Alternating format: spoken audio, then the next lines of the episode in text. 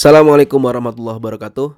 Ketemu lagi dengan saya Army Algifari di channel podcast Scale Up. Kali ini nggak seperti sebelum-sebelumnya saya ingin bercerita sebuah kisah yang mungkin nggak pernah Anda dengar. Jadi sekitar 2500 tahun yang lalu ada seorang raja yang tinggal di sebuah kerajaan di kaki gunung Himalaya. Sekarang mungkin kita kenal dengan negara Nepal. Nah, raja ini sangat mendambakan seorang putra. Dia ingin ada orang yang menggantikan dia karena sudah lama dia tidak dikaruniai anak laki-laki. Dia berjanji kepada dirinya sendiri mengatakan bahwa kalau seandainya saya punya anak laki-laki, maka anak saya tidak akan saya sengsarakan. Jadi hidupnya akan sangat nyaman, makanan tersedia, tidak akan disuruh berlatih perang dan lain sebagainya. Sampai suatu hari kemudian raja ini dikaruniailah seorang putra. Dan ditepati janjinya. Jadi sang pangeran sejak kecil memang tidak pernah benar-benar tidak pernah dibuat sengsara, makan makanan tersedia, mainan semua tersedia, banyak orang-orang yang disiapkan untuk menjaga dia. Pokoknya hidup dari bangun tidur sampai tidur lagi benar-benar nyaman. Suatu hari ternyata sang pangeran ini merasakan kegalauan. Dia merasa hidup gua kok begini-begini amat gitu. Istilahnya kok kok yang terlalu nyaman gitu. Karena dia juga nggak boleh keluar istana. Dilarang untuk keluar istana. Dia merasa kosong. Anak ini merasa kosong merasa tidak bernilai merasa apa ya seperti ada yang hilang dalam kehidupannya dia. Nah sampai pada satu malam anak ini coba-coba ah gue coba dah ngelihat ada apa sih sebetulnya di dunia luar. Dia sembunyi-sembunyi dia ngelihat Ternyata yang dia lihat di luar sana adalah hal-hal yang menyedihkan. Dia lihat di luar sana ada orang-orang sakit, kemudian ada orang-orang tua, orang-orang yang gak punya rumah, orang-orang yang merasakan penderitaan, orang yang sekarat bahkan. Lalu pangeran ini kembali ke istana dengan merasakan sebuah kegalauan yang lebih galau lagi daripada sebelumnya dia merasakan uh, mengalami sebuah apa yang uh, dinamakan dengan krisis eksistensial. Bahasanya berat. Sebuah krisis apa ya?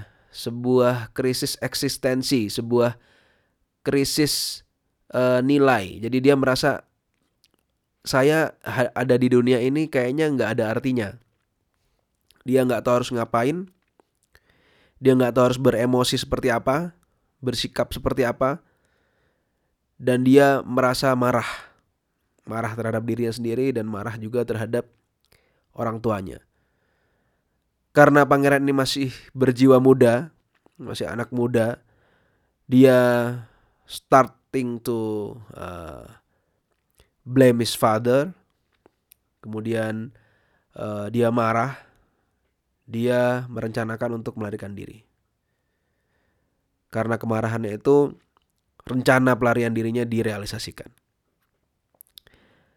Belarilah dia keluar istana tanpa ayahnya tahu. Kemudian dia memutuskan untuk meninggalkan semua gelar-gelar kebangsawanan. Dia meninggalkan uh, apa keluarganya dan uh, dia memutuskan untuk hidup di jalanan. Dia hidup di jalanan, tidur di ya di apa tempat-tempat yang kotor bersama hewan. Kemudian dia membuat uh, ya istilahnya dia nggak makan dia apa merasakan kelaparan. Bahkan dia menyiksa dirinya sendiri. Bahkan dia ya dia dia sharing dengan orang-orang miskin yang ada di sekitar uh, dia. Pokoknya intinya hidup dalam kondisi yang sangat berlawanan daripada um, ketika dia tinggal di istana Lalu um, beberapa saat kemudian, beberapa waktu kemudian berlalu, pangeran ini coba sembunyi-sembunyi lagi. Dia ngelihat kayaknya apa namanya saya pengen tahu kondisi orang tua saya. Dia apa namanya dia masuk lagi ke istana. Um, dia lihat situasi di istana. Dan dia mulai berpikir sepertinya nggak ada yang berubah. Di istana nggak ada yang berubah dia sendiri juga nggak ada yang berubah di jalanan juga nggak ada yang berubah. Jadi rasa penderitaan yang saya rasakan ini sebetulnya untuk apa gitu?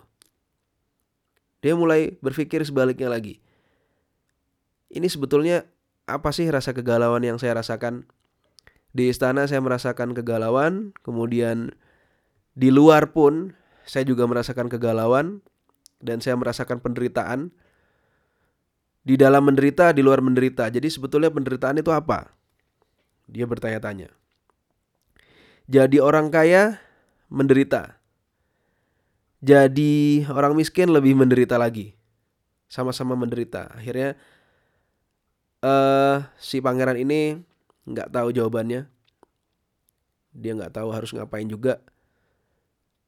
Lalu dia memutuskan untuk bertapa di sebuah pohon. Dia berpikir dia ber, uh, bermeditasi istilahnya ya mungkin ya. Dia bertapa di sebuah di bawah sebuah pohon di dekat sungai. Dia memutuskan untuk duduk di bawah pohon tersebut sampai menemukan jawabannya. Jadi dia berpikir merenung di situ. Jangan tanya ini makannya gimana atau gimana, ini nggak ada di dalam cerita. Jadi selama 49 hari ya ternyata si pangeran ini berada di bawah pohon. Jadi ya pasti mungkin nggak tahu ya nggak nggak nggak nggak diceritain makannya tidurnya atau pupnya atau gimana gitu. Nggak nggak nggak masuk dalam cerita ini. Intinya si pangeran ini berada di bawah pohon selama 49 hari. Sampai kemudian dari 49 hari itu pangeran menemukan sebuah aha moment dia menemukan sebuah pencerahan apa pencerahannya? Dia uh, apa namanya? Um, mengambil sebuah kesimpulan bahwa hidup itu adalah sebuah bentuk dari penderitaan itu sendiri. Mau Anda kaya, mau Anda miskin, mau Anda sedang-sedang aja hidupnya, itu adalah semua penderitaan. Orang kaya menderita karena kekayaannya.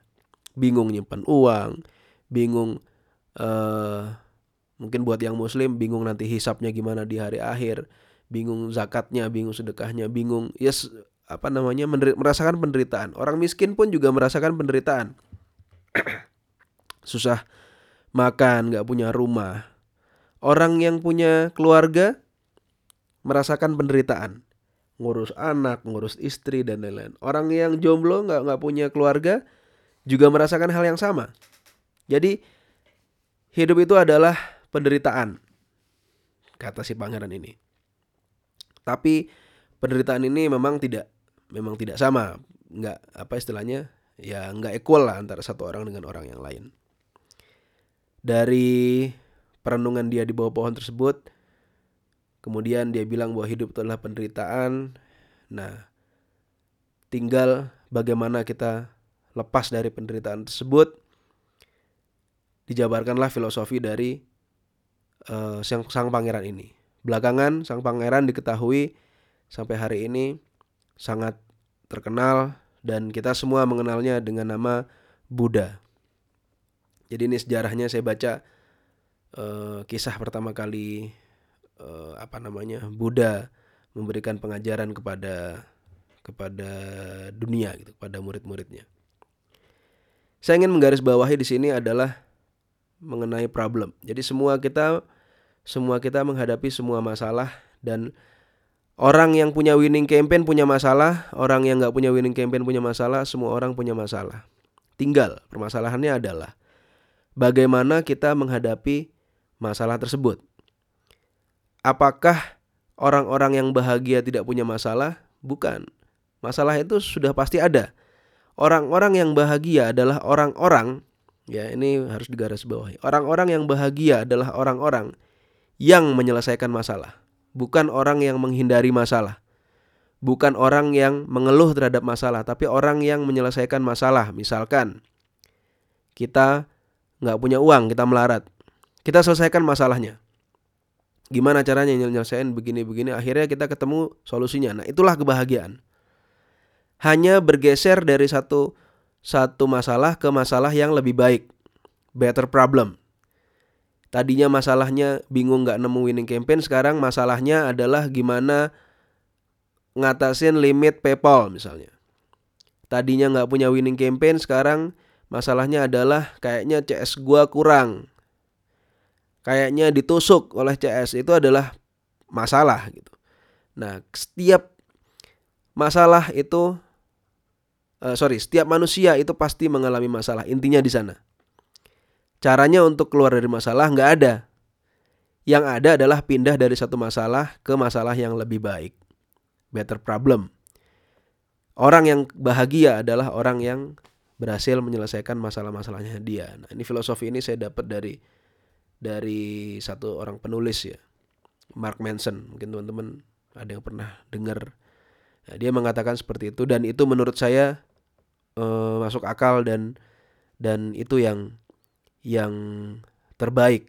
Bahkan di dalam Islam diajarkan juga bukan bukan apa ya Tuhan selesaikan masalah gitu ya Allah selesaikan masalah tapi kalau memang itu adalah yang terbaik eh, apa namanya berikan solusinya kalau itu memang eh, apa namanya saya harus melalui itu ya kita lalui bukan minta diberikan selesaikan masalah tapi minta diberikan jiwa yang kuat atau tubuh yang kuat untuk bisa menyelesaikan masalah tersebut. Jadi masalah selalu ada dan kita hanya bergeser dari satu masalah ke masalah yang lain. Faiza farokta fansop. Dari kita selesaikan, kemudian kita pindah lagi ke masalah yang lain. Selesaikan lagi, pindah lagi masalah yang lain. Dan seperti itu aja. Jadi kesimpulannya adalah jangan lari dari masalah, tapi selesaikan. Mudah-mudahan selesainya masalah, mudah-mudahan Anda mendapat masalah yang lebih besar. Gitu aja. Terima kasih. Assalamualaikum warahmatullahi wabarakatuh.